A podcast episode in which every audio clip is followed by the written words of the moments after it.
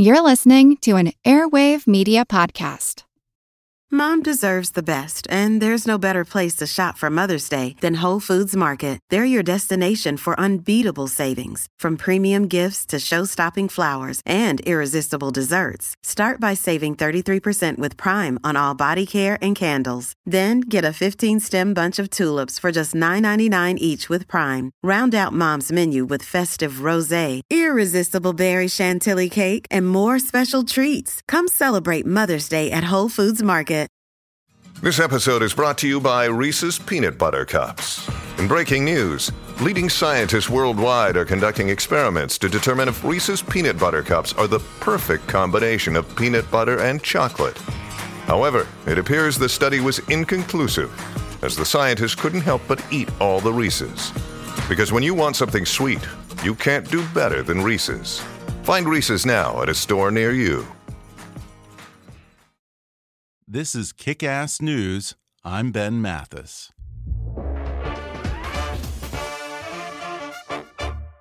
Hi, folks. Just a quick announcement. I'm trying to grow our listenership, so I hope you'll share Kick Ass News with two of your friends this week, or better yet, share it with all of your friends on your social media. And if you'd like to pitch in and become a part of what I'm doing here, then donate to our GoFundMe campaign at gofundme.com slash kickassnews.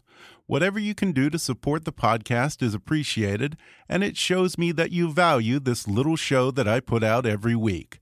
Thanks for listening, and now enjoy the podcast. Hi, I'm Ben Mathis, and welcome to Kick Ass News. You know, folks, you never really appreciate America until you travel overseas. And one of the first things you get homesick for is the spectacular culinary diversity we have right here at home. I mean, try to find good pizza in Tokyo or decent Mexican food in Berlin.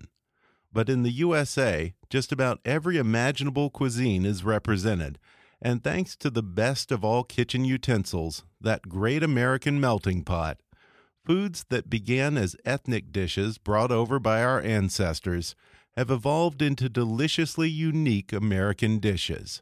As immigrants and their children and their children's children moved around the country, bringing those recipes with them, making them their own along the way, as they substituted ingredients to make the most of the local bounty and approximate a particular element that perhaps simply wasn't available in the U.S. Over time, it's led to thousands of unique regional dishes that are every bit as iconic and representative of their own little corner of America as any state flower or local sports team. Think about it. Wherever you're from, there's at least one food that makes you nostalgic for your childhood and speaks of home to you. It can't be found anywhere else. In fact, chances are a person who lives a state or two over may never have even heard of it. It's your own special little thing. If you're from Maryland, maybe it's she crab soup or crawfish pie in Louisiana. Some of their origins are right in the name, like Chicago deep dish pizza, Nashville hot chicken, and Cincinnati chili. And then there are the dishes you probably never heard of unless you happen to come from that particular little pocket of America, such as chislic, that's a meat skewer from the southern part of South Dakota, or runza, a kind of savory hand pie specific to Nebraska. At church suppers, roadside diners, and county fairs across the country, America is lousy with great local eats. And today I'm going to celebrate that abundance with one of America's greatest master chefs, Mario Batali, who has a new book called Big American Cookbook 250 favorite recipes from across the USA.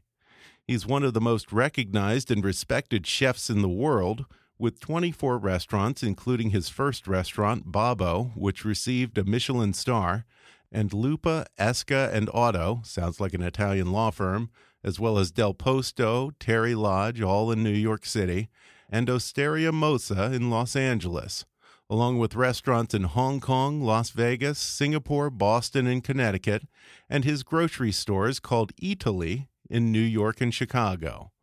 Mario was named Man of the Year in the chef category by GQ magazine in 1999. In 2002, he won the James Beard Foundation's Best Chef of New York City award, and in 2005, the James Beard Foundation awarded Mario Outstanding Chef of the Year. Mario was also the recipient of the 2001 D'Artagnan Cervena, a prestigious food industry lifetime achievement award. He's written a dozen cookbooks, including Molto Italiano, which won him another James Beard Award, but you probably know him best from his many appearances as a judge and as a contestant on the Food Network's Iron Chef, or from his cooking slash talk show called The Chew, which airs on ABC every weekday. Today, Mario will take us on a delicious culinary tour of America that will cover eight distinctive regions and local treats with names like Scrapple and Boiled Dinner. We'll talk about the difference between Southern cornbread and New England corn muffins.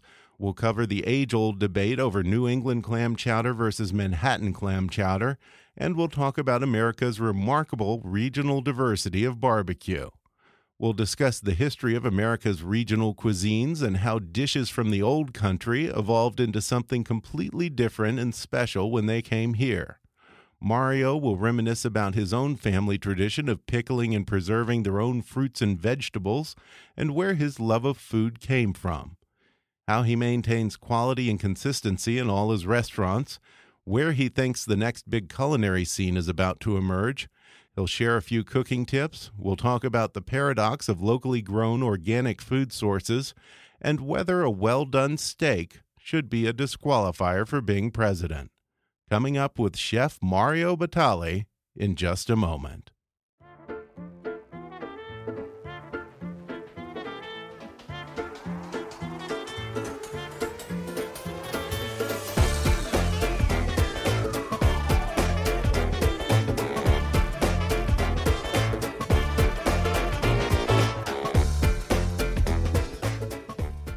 My guest today is chef, writer, restaurateur, and host of The Chew, which airs weekdays on ABC. He opened his first restaurant, Babbo Ristorante, in New York City in what what year 1998. was 1998 and he now has 26 locations around the world that include acclaimed restaurants like Del Posto, Lupa, Otto, Esca in New York and Mozza here in LA where I'm joining him and his Epicurean Markets, Eataly, in New York City and Chicago. Among his many awards, Mario Batali has won Best Chef New York City and Outstanding Chef of the Year from the James Beard Foundation.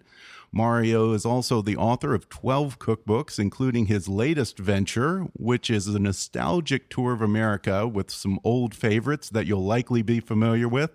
It's called Big American Cookbook 250 Favorite Recipes from Across the USA.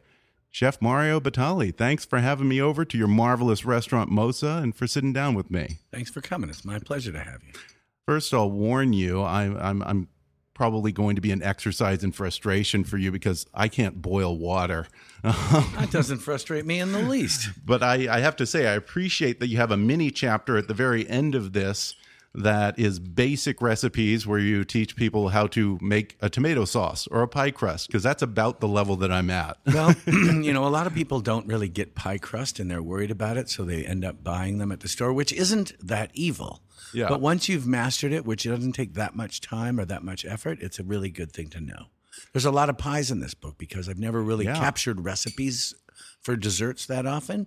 But in America, they're just so prevalent and so delicious that capturing a good pie crust is a worthy technique to pick up. Yeah, this is very dessert heavy for you.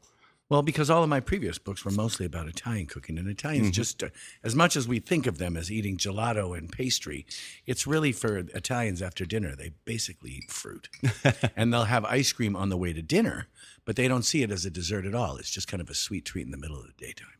I'm it's funny because I'm one of those people who I love going to your restaurants, But in terms of cooking, I, I like it when you cook for me or your chefs That- that- cook for that- me. That's a So relationship that still works out perfect for me. Yeah. Okay. um, I'm curious. Where did your love of food come from? Because you were studying Spanish theater at Rutgers. How did you go from that to master chef? Well, I grew up in a family uh, on both sides of the Cascade Mountains in Washington State, and for us, the family experience wasn't uh, watching TV that much. It was more like going outside, going to the Lower Valley Market on the eastern side of the state, buying vegetables in season at very inexpensive prices, and pickling and canning. That's kind of what our family defined ourselves by. We didn't really spend a lot of time going out to dinner. We rarely went out to dinner. We ate at home, and it was because I always just figured we thought it was better. But for us, like the prize was to go out to a fast food restaurant, and that was like two or three times a year. So food was always a big part of my culture. And um, but keep in mind, back in the '70s and '60s, cooking wasn't a noble profession. It was the last thing you did after you got out of the military before you went to jail. and you know, when you decided to be a cook in the 70s, it wasn't like your mom was saying, "Hey, my son's going to be a doctor or a chef." and now suddenly it's a different world. So I was Yeah. lucky enough to get excited about food and its profession at the time that Americans were getting excited about food as a profession and restaurant going became kind of like a sport as opposed to merely fuel. You just mentioned how pickling and canning was a big thing in your family. It was like a family activity. Right.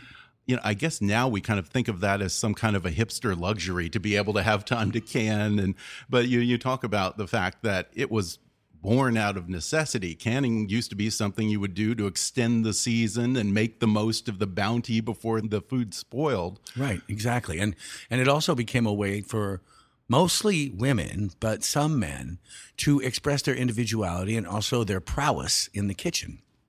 There was always at the state fair there were pickle contests and pie contests. And those are examples of craftsmanship in the early phases of kind of popular recognition of cooking as an art where the the person who could really make it something remarkable or memorable a bread and butter pickle was something really special as was a kosher dill as was a dilly bean. So you know now that it's it's kind of become pastime as opposed to necessity. It's also a very interesting way to cooks express for cooks to express kind of their their inner heart. As, as, as you know, personalizing things that they've read before and kind of modifying them to mm-hmm. become their own family's recipes. Yeah, and as someone who has never pickled anything in his life or preserved anything, I guess I'm learning from the book that you have to have the right jars and there's a whole process. So, what are the salient points of proper canning? Proper canning, make sure you follow the instructions that come within the mason jar. And that's basically Okay. that you have to boil them and allow them to cool. Then you have to put the right salinity and acidity in with whatever vegetables you're going to do. Then to can them, you put the jar on the you put the lid on the jar and you put them in the canning pot and cook them until the lid shrinks back or pops up.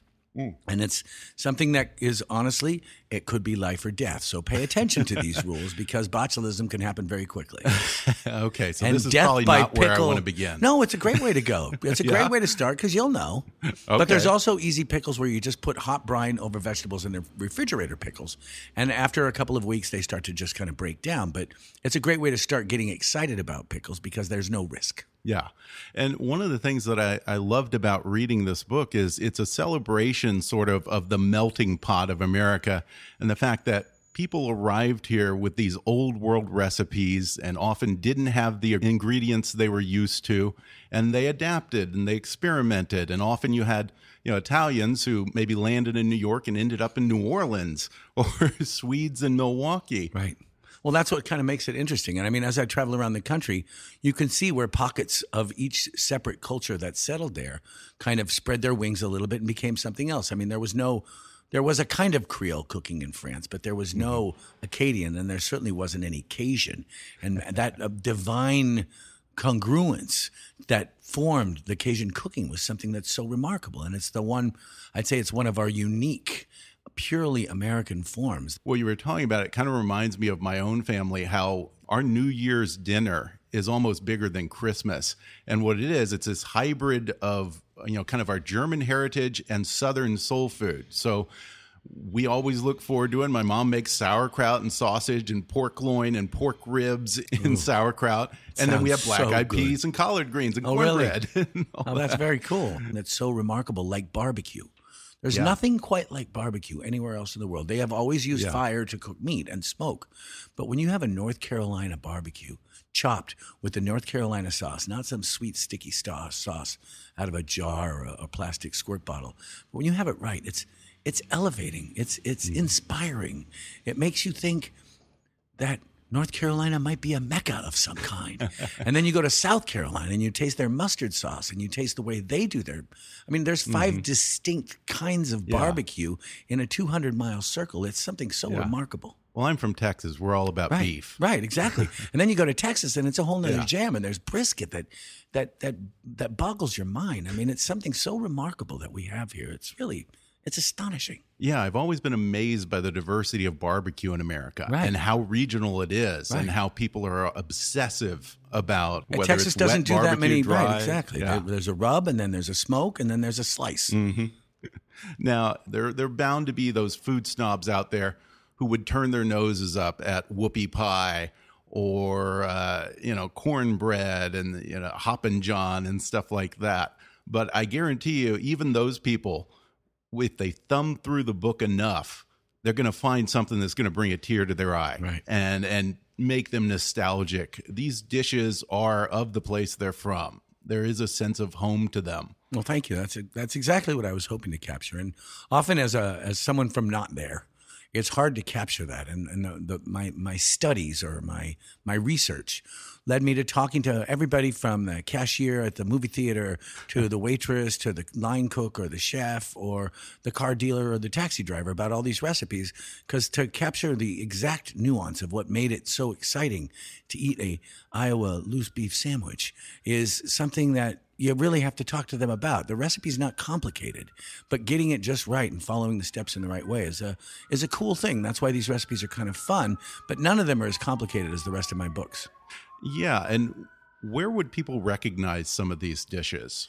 Where would, You- would you it be a diner? well, maybe food, a or- diner, maybe just a local restaurant. Certainly not a place with reservations, a cocktail program, or a wine list. No Michelin stars. No Michelin stars. But you might see a lot of this stuff also at, uh, say, a state fair, mm-hmm. which is, I think, probably the greatest celebration of regional cooking in America. When you get there and you and you go to have a in Indianapolis, you have a breaded pork tenderloin sandwich, and it's just on a regular Yeah. hamburger bun, but it is so transporting when you have one there, and the, And the meat hangs over the over the bun. bun. Exactly, it's, It's like but it's something so delicious, and the Yeah. porkiness of the pork there is just something so.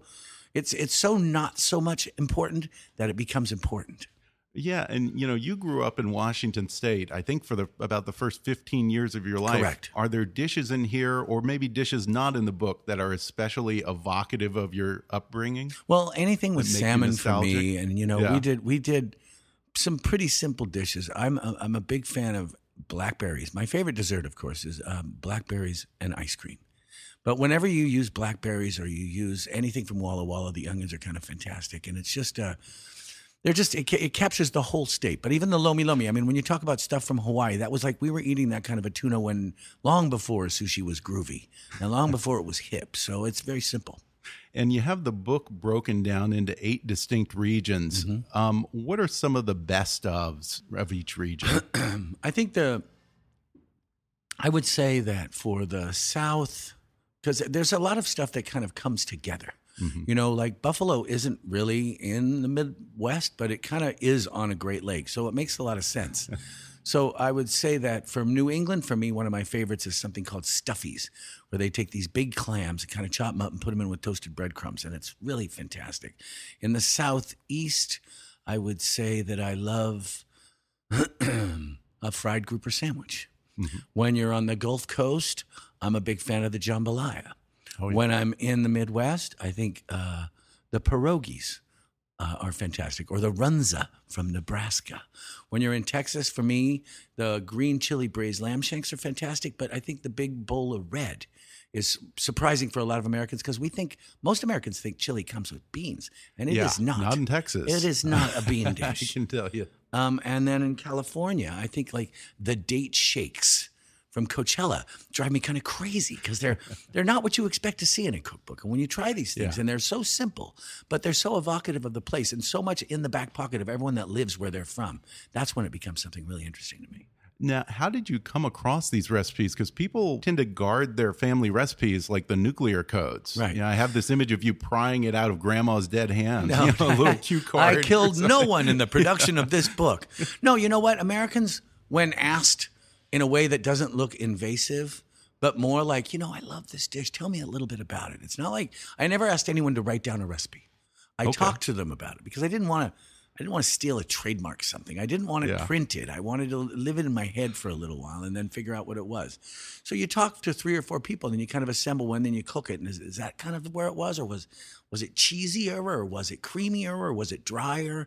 And when you finally get to the end of the recipes, you're like, yeah, I think this is the one that I tasted. and and people are more than willing to share. You know, Americans are an amazing group of people. When the chips are down, Americans are more generous. And when they're talking about their food and you get them in that kind of nostalgic, sweet place of their childhood, they talk all day long about it. They're that excited. So it wasn't necessarily you getting these recipes; it was you replicating the recipes. Right, And so there was probably a lot of trial and error there. Right, trial and error. And also, I would look in the Wednesday paper of each town where they all talk about their dishes and, you know, go through the state fair and, and you know, kind of just figure it out. That's fun. You said that uh, it took you three years to make this book. Was there a lot of traveling involved in Well, this? it was basically 20 years. Okay. And I collected about a thousand recipes. Then over three years of process, it was reducing and, and, and editing down to the 250 that it has. So yeah, it was a 200, it was a three year book project, but it was a lifetime of collecting because I'm a collector. We're going to take a quick break, and then I'll be back to talk more with Chef Mario Batali when we come back in just a minute.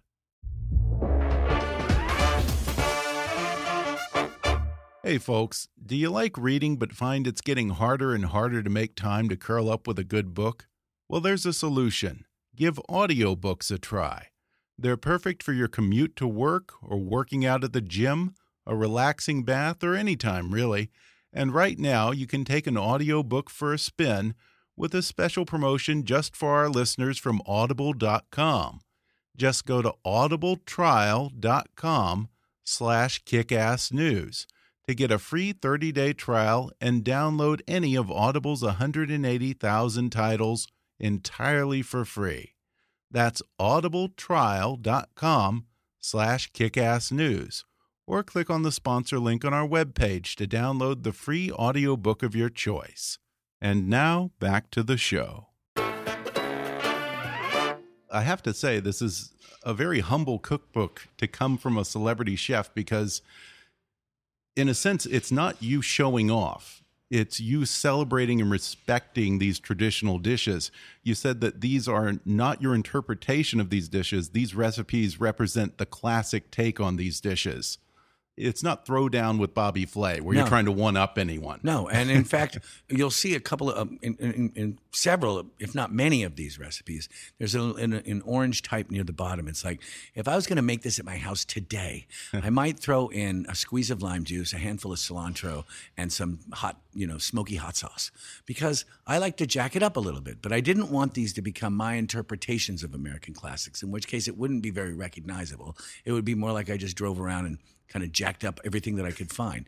this is actual transportative recipes, mostly as exactly as I found them. It is. And what's funny though is that you, you do respect the tradition of you know the fact that many of these are recipes that were handed down from generation to generation and you actually encourage people if they want to uh, tweak them Modify or them, find what they find what them. works for them and their family don't be afraid to make it your own Right, exactly. And then, and in the same sense, I exhort people at a certain point in the book: don't be afraid to live outside the the directive of doing everything exactly right.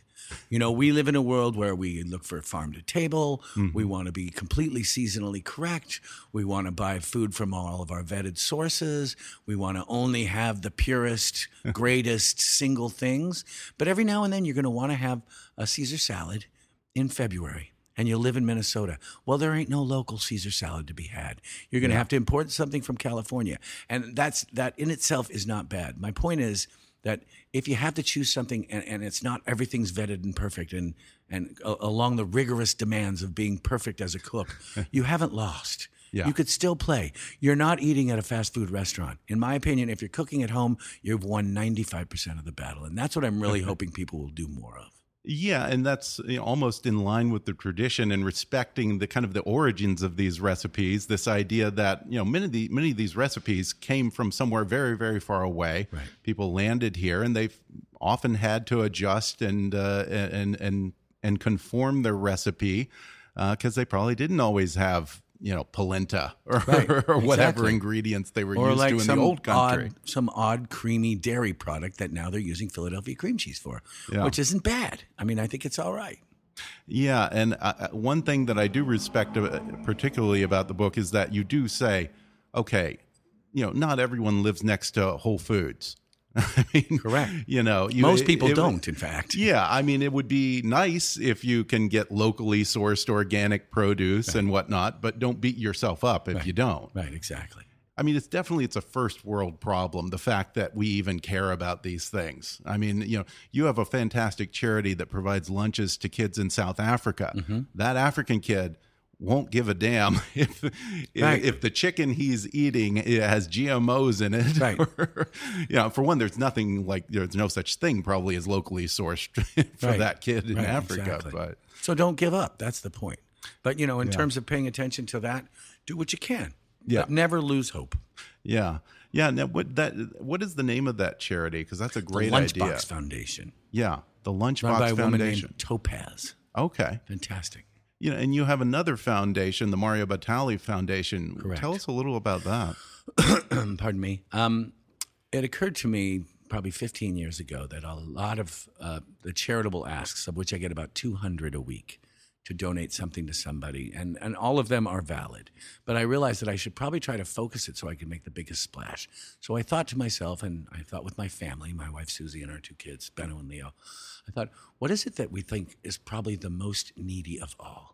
And I realized that children's hunger relief is probably the single mm-hmm. biggest problem we have in the richest country of all time during its richest phase of all time. That one in five children in America could possibly be going hungry is the most preposterous thing I can think of. And and knowing that they're ta- we need no research at all to figure out how to cure hunger. And our fundamental issue in America is that we throw away 40% of everything we grow and produce in the food world. Yeah. So what we need to do is figure out how to incentivize the production of food and the and the distribution of it to people that need it. So my foundation doesn't do that. What my foundation does is we're just trying to figure out how to first feed everybody. Mm-hmm. So that's through the Food Bank for New York, and that's through Feed America, and and in any of a thousand different places. That's where we devote a lot of our time. The other two are children's disease research and children's hunger relief, because I see all three of those as very intrinsically tied to investing in a future for a better America. And that's not a political slogan. That's the real thing. Well-fed, well-cared for kids Yeah. that can read stand a chance to improve America in a better way. And we need to think about that in a very long-term fashion. Especially in this, you know, sharing economy era that we're entering, Right. there ought to be a better way to to not waste so much and get food that you know isn't being utilized by one person to another person who really needs it. Well, hunger relief at a certain point in our lifetimes has been hijacked and put into the charity file, mm-hmm. and it should be the investment file. So it's Yeah. a, it's it's it's not only a question of of the strategy; it's a question of vernacular and where we put it in our minds. Yeah, we look at it that way. Pickling and preserving is kind of the world's best green initiative. Right, exactly, because you're not wasting a darn thing at the end Yeah. of the harvest. You're not just throwing it under or tilling it in or throwing it in the garbage can. Figuring out a way to incentivize some businesses to be able to redistribute this food and make profit on it. It won't happen if people are just doing it out of the goodness of their heart because there's just not enough big hearts. Yeah. What we need to do is have people make profit by doing the right thing, and we're, that's I. I don't have the answer yet. Um, you know, I'd be curious. You started out with one restaurant. You now have what, twenty five restaurants or twenty? Yeah, I mean, which is extraordinary. What is your secret for maintaining consistency at that level? Well, it wasn't like I and my partner Joe Bastianich. It wasn't like we decided to throw darts at a map and say, "All right, let's go here with our you know expansion program." Basically, the only reason we opened new restaurants is because we had talent that had reached the top of the glass mm-hmm. ceiling within the existing framework. Meaning that it was a great sous chef who was so talented, he or she could run the restaurant all by themselves, but they couldn't take over the executive chef position because the executive chef already existed. so we said to them, why don't we open a new restaurant? Do you have any money to put together, or do you have an investor, or do you want to do a part of it, or do you want to get sweat equity and see what we can do with it? so what we created was a, a network of chef and general manager partners who work with us, and we open these new restaurants, and their consistency is based on the fact that they're operators, they're owners with us. So they wouldn't oh. want to throw things away because it's easier, cheaper, or or less laborious. They're watching the bottom line just like I watch the bottom line if I'm not there. Okay. Are you pretty good about not having to micromanage and being able to delegate or finding people that you trust that you can delegate to? So far, so good. I mean, the beauty is that with the internet and cell phones, I can approve any menu change any day, anytime anyone wants it, no matter where I Yeah. am in the world. So it doesn't happen so radically, and there's no kind of continental shift that I wouldn't be aware of in the restaurants if I wasn't there for a couple of weeks in a row. Uh, at the commercial restaurant level, is there one thing that you can think of that is the biggest secret to running an efficient or successful kitchen? Yes. The biggest thing to realize is you, as the owner, you don't have to make all the money yourself. If you share hmm. the profits and share the success of the restaurant with people, you'll get longer lasting employees, more committed to the total success of the restaurant than if you diminish them or don't pay them properly or don't allow them to share in the fruits of their own labor. And that's the biggest point of the whole story. Whenever I see someone who operates on your level, the one thing that impresses me more than anything is when I can go to a restaurant and I find a dish that I like and I know I can go back and it will be just the same as it will be exactly what I remembered. And it's very rare in many cases that you can accomplish that. Right. Oh, that's constantly tasting. I mean, you know, that's what the mm-hmm. chefs have to do. You have to, I mean, the way that I train someone is I make the dish for them and we taste it. Then I make the dish with them and we taste it. Then they make the dish with me and I taste it. And then they make the dish by themselves and hand it to me and I taste it. And if that doesn't go well, we do it again. And if that doesn't go well, we do it again until I'm confident that they can do it. And all of the executive chefs and all of the sous chefs are exactly the same way. So I can count on the consistency of palate only because we've repeti- we've we've gone through it repetitively so often that it's almost like stretching a muscle. You get used to the taste of two minute calamari Sicilian lifeguard style. After 18 years at Babbo, I can attest that it tastes exactly as it did when we opened. Getting back to the book, you also have drink recipes for each region. Uh, and I noticed that you're pretty heavy on whiskey drinks, which I love. Um, what is your personal drink of choice? You know, for me, I'm a big wine fan, but uh, for a cocktail, I got to say, there's nothing quite like an old fashioned for me. There you Just go. Just a simple, good bourbon, a little bit of uh, exactly what it takes to make it right. I like just a little orange bitters, a little dash of a squeeze of a twist of orange rind, and I am happy with a pickled cherry that came from the recipe from my grandpa, Leon Laframboise. And the other things that was fun in reading this book is the differences in the regions in attempting pretty much the same dish. For instance, what is the difference between a traditional Southern cornbread and New England corn muffins? Well, in the South, they don't put any sugar in their cornbread. And Right. In the Northeast, they do. And in all honesty, I love them both. If I'm in the South, I notice it missing though. I like Yeah. it just a little sweet. And when I make my polenta, I even put a little sugar in it because I think the sugar brings out a little bit more of the corniness that I'm always looking for when I taste it. Now, are you a New England clam chowder guy or a Manhattan clam chowder guy? I live in Manhattan, but I Okay. I love New England clam chowder. as much as I don't really love the Patriots, because I'm a Jets, Giants, and Seahawks fan, I really got to say I love their chowder. Yeah, and there are a few things in here that I, I'm not, I've never heard of. That's what's fun. It's like there's so many things that I recognize from my youth, and then there's stuff that I just sound crazy that I've never heard of. Like, what is a New England boiled dinner or scrapple? Scrapple's kind of like what would be head cheese. You take all of the stuff off of the head and then you kind of fry it up crisp for breakfast, and it's a very cool kind of Pennsylvania thing. And Is if you like haven't had it, spam? No, spam is spam is well, I don't really know what spam's made from, but scrapple I know what it is. And then a boiled dinner is kind of like an Irish boiled dinner. They put the the meat in with the cabbage and the potatoes and the carrots, and it's it's kind of like a one pot dish that for me says a lot about Sunday football.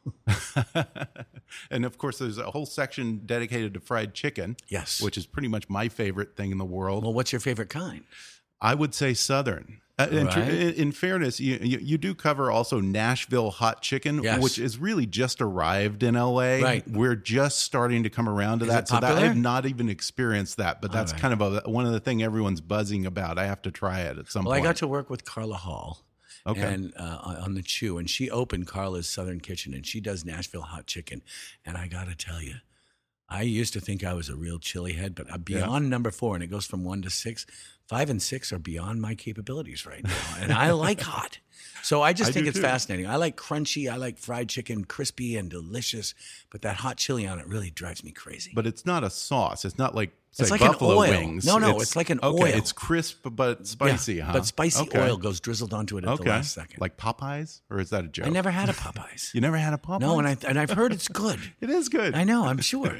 I like Yeah. biscuits too. Yeah, it's Carla terrific. makes really good biscuits too. Ah, okay, okay. I gotta, I gotta check that out. Um, well, I'm curious since we're talking about regional cuisine. Is there a particular area or city that you think is going to be the next big thing that's kind of just starting to get where it needs to be on the food scene? I would say this only because I get to spend a lot of time there. First of all, I think New Orleans, and without a doubt, is the is pound for pound the greatest thing going on in the Oh, yeah. country. But that's Oh, not I'll that's been that. discovered, right? Yeah. I would say that the kind of Midwest Great hidden Lakes region is where Okay. it's happening. There's we I spend a lot of time in northern Michigan, and in the last 15 years, the gastronomy there has gone through the roof, and the and the cider makers, and the craft brew makers, and the wine makers, and the cheese makers, and the butchers, and the curers, and the picklers. It's it's all going on in such a, a fast expression of the delightful terroir of the actual region that it's for me it's it's because maybe I'm seeing it firsthand. I haven't spent a lot of time in the Southwest, but I gotta think, you know, anywhere where they got the hatch chilies naturally and that whole culture Yeah. of that kind of spice and that delicious kind of smoky richness is something I gotta think I'm gonna love too. Where did the Crocs come from? My wife gave me them Okay, when uh, I was just starting in the kitchen at my, you know, in- the Babbo days. She gave me shoes because I was burning through sneakers uh, too fast, and I didn't like the clunky chef shoes, and I didn't like the wooden chef clogs. So she gave me these. They were from a fishing outfit in Colorado because they drain when you walk through the Oh, stream. yeah. And that, makes also sense. kept them cool, and it diminished the stink foot of a chef. and uh, as it turns out, they're quite a fashion statement, and I love them. okay. Good in a kitchen. I'm very good in the Slip kitchen. resistant. Slip resistant if you get the professional ones. The ones with the holes Okay. on the top tend to leak a little bit if you were to drop something hot on your feet. Yeah. So you use the professional ones, which have a full cover. Before we go, not to get all political, but it is the season. Okay, Donald Trump supposedly likes his steak very, very well done. His butler says he likes it rocking on the plate. Should that be a disqualifier for being president? Well, I believe President Barack Obama likes a well done steak too. Oh, does he? Does he really? Exactly. Oh, I didn't know that. So have no, you talked to can't him about this? I have. Have you consulted either of these people? I about haven't this? actually you talked should. to uh, candidate Trump. Okay. But I have talked to candidate Hillary Clinton, and she likes her steaks like I like them, which qualifies her for president. Which is medium rare. okay. Okay, that's fair. Okay, I wasn't even sure if she ate steak because it builds on a vegan diet. Bill's I on a vegan right? diet that adds a little bit of fish because he needs a little bit of protein. So he'll eat some fish, but mostly vegan. Okay. After years of cheeseburgers, you know, he's got to pay attention a little bit. yeah, yeah, don't we all? Well, I promise you, I'm going to attempt one of these dishes as much. I do barbecue, by the way. Fantastic. Barbecue, I've gotten compliments on, but for some reason that doesn't translate to me going in No, the that's, kitchen. a, I that's a special movement. The barbecue move is something you can master without ever having to touch a pan. well, I'm going to try one of these, and I'm going to report back. Fantastic. I'm going to send you my emergency I'll gladly room bill. support you on that. Yeah, yeah, for the burns and you know the reattaching my pinky finger There and whatever go. else. So, well, the book is called Big American Cookbook: 250 recipes from across the USA. Chef Mario Batali, thanks for sitting down with me. Thanks for having me. Thanks again to Chef Mario Batali for inviting me over to Mozza Osteria and sitting down with me. If you enjoyed today's podcast, then you can order Big American Cookbook 250 Recipes from Across the USA on Amazon. I'll include links in the show notes for this episode and on our website at kickassnews.com. You can watch his show The Chew every weekday on ABC. Visit his website at mariobatali.com for all kinds of other fun stuff, and follow him on Twitter at, at Mario Batali. Be sure to subscribe to Kickass News on iTunes and leave us a review while you're there. You can visit Kickass News on Facebook or follow us on Twitter at, at KAPolitics. And please be sure to recommend Kickass News to your friends on your social media. And if you really want to help out, then donate to our GoFundMe campaign at gofundme.com slash kickassnews. As always, I welcome your comments, questions, and suggestions at comments at kickassnews.com. For now, though, I'm Ben Mathis, and thanks for listening to Kickass News.